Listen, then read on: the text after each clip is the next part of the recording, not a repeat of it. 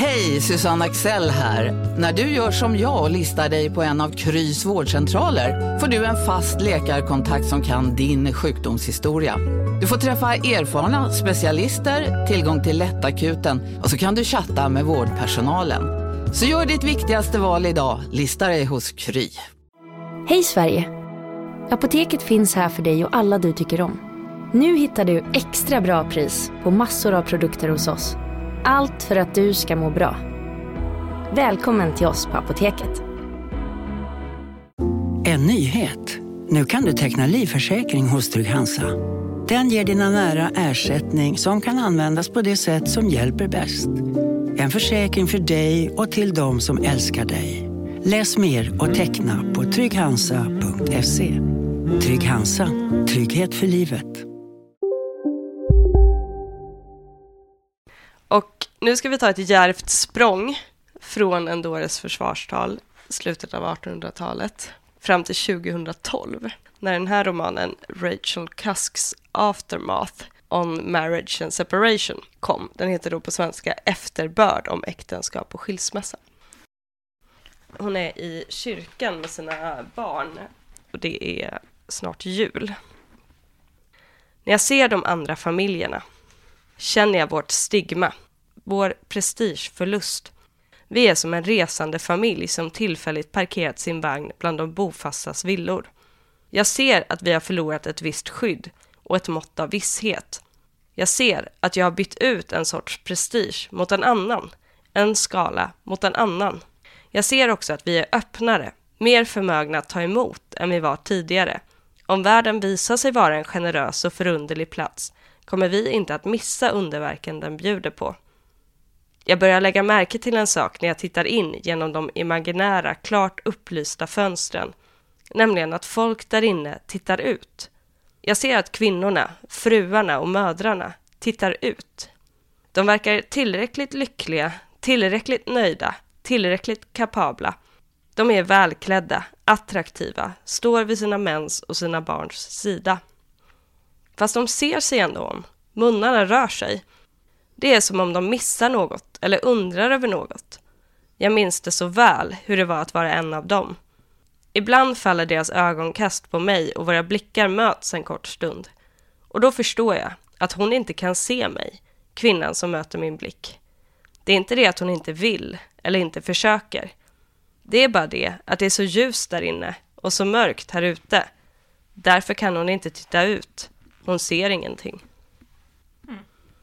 Ja, väldigt bra tyckte jag. Mm. Ja, men verkligen.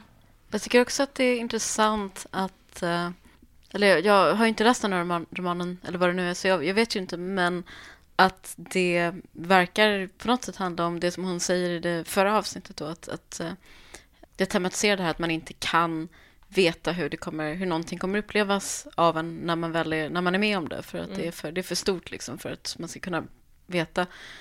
Och det, det här, också det här andra handlar ju liksom om att uh, saker inte går enligt, enligt plan. Mm. Att man förstår att livet inte fungerar på det sättet, att man kan förutse och liksom täcka upp alla, för alla eventualiteter. Och att det då verkar återspeglas på formnivå. Mm. Just att det inte är en, en uh, löpande berättelse på så vis, utan att det är nedslag. Mm. Att det finns ett, liksom, något mimetiskt där. Men jag tänker också utifrån det vi har hört dig läsa nu, att det låter ju, ja men verkligen som du säger, att det inte handlar om att redovisa Nej. privata detaljer, utan hon hittar bilder för det som hon har upplevt. Mm. Som, ja men, som ju såklart är mycket mer intressanta än än en exakt redogörelse för ett bråk hon har haft med sin man. Eller? Om det inte är Strindberg som skriver den. ja, ja. Men det som är så intressant med henne är att det där kommer inte från en eh, motvilja mot att redogöra för privata detaljer eller blotta sig eller så, utan det är verkligen inte en eh, cerebral skyddskonstruktion som hon har byggt upp, för det finns så mm. många brännande privata scener som att så här, hon hon slutar äta efter skilsmässan till exempel och så ser hon plötsligt sina döttrar stå framför spegeln och börja nypa sig i magen och klaga över hur tjocka de är. Det är extremt blottande på något sätt av det mest privata, det är nästan att hänga ut sina barn. Så det finns hela tiden den här privata nerven parallellt. Eh, för jag tänker att väldigt många som inte berättar den privata historien. Att man kan uppleva att de gör det för att vilja skydda sig eller för att vilja få kontroll eller sådär. Men det är liksom den kontrollförlusten samexisterar i hennes författarskap med eh, ja, men någon slags eh, abstrakt eller formmässigt experimentell syn mm. på, ja men det är väl för henne någon slags sanningssökande också, även om, även om jag inte tycker att det är intressant kanske primärt på det sättet. Nej, men för det kan ju vara en väldigt stor anledning, eller det skulle jag tänka är just um Big Mac har miljarder fans över hela världen. Under mer än 50 år har den skapat popkulturell historia. En legend med 100% nötkött och den mytomspunna såsen. Nu finns Big Mac för bara 39 kronor på McDonalds. Hörni, gänget! Vad är vårt motto? Allt är inte som du tror. Nej, allt är inte alltid som du tror. Nu täcker vårt nät 99,3 procent av Sveriges befolkning baserat på röstteckning och folkbokföringsadress. Ta reda på mer på 3.se eller i din 3-butik. Som medlem hos Circle K är livet längs vägen extra bra. Just nu får du som ansluter dig 50 öre rabatt per liter på de tre första tankningarna och halva priset på en valfri biltvätt. Och ju mer du tankar, desto bättre rabatter får du. Välkommen till Circle K.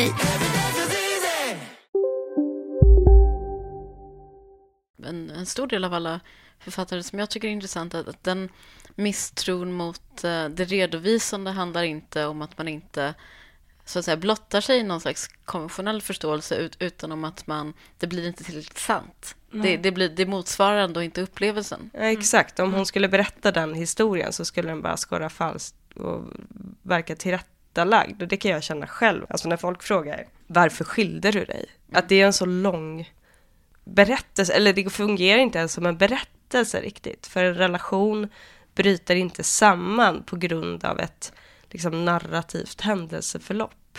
Mm, och efterspelet ser inte heller riktigt ut så.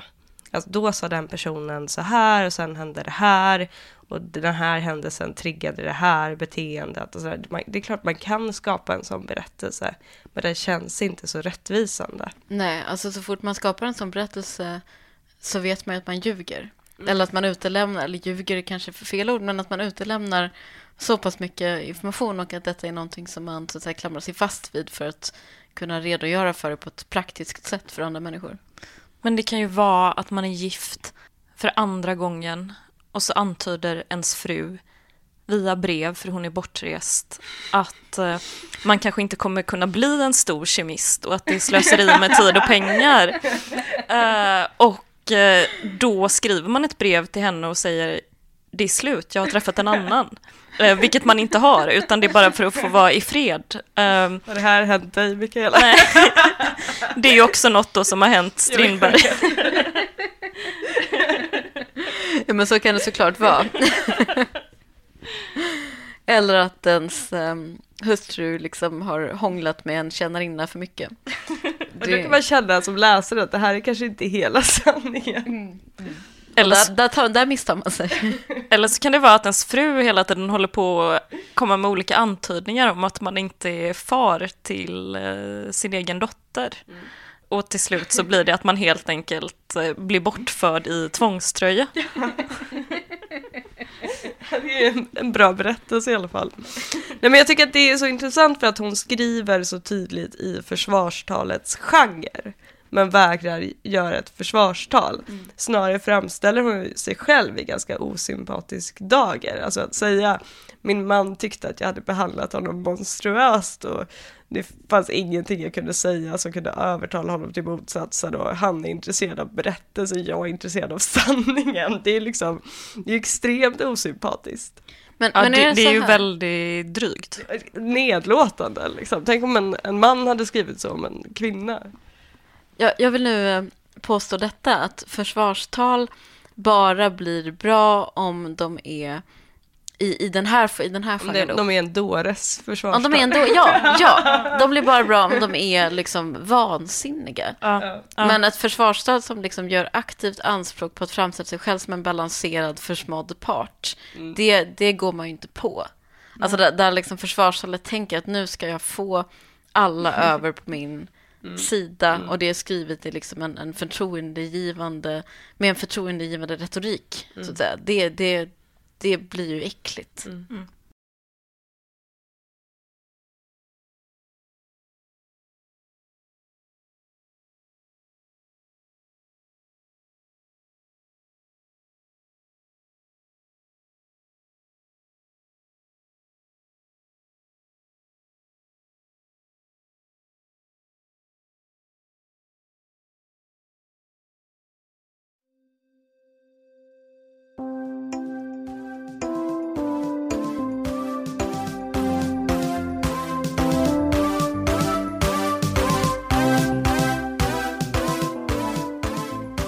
Vill du lyssna vidare på avsnittet?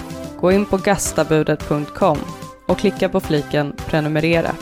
Det kostar som en väldigt billig kopp kaffe i månaden och för varje prenumerant vi får ökar våra förutsättningar för att kunna göra gästabudet både oftare och bättre.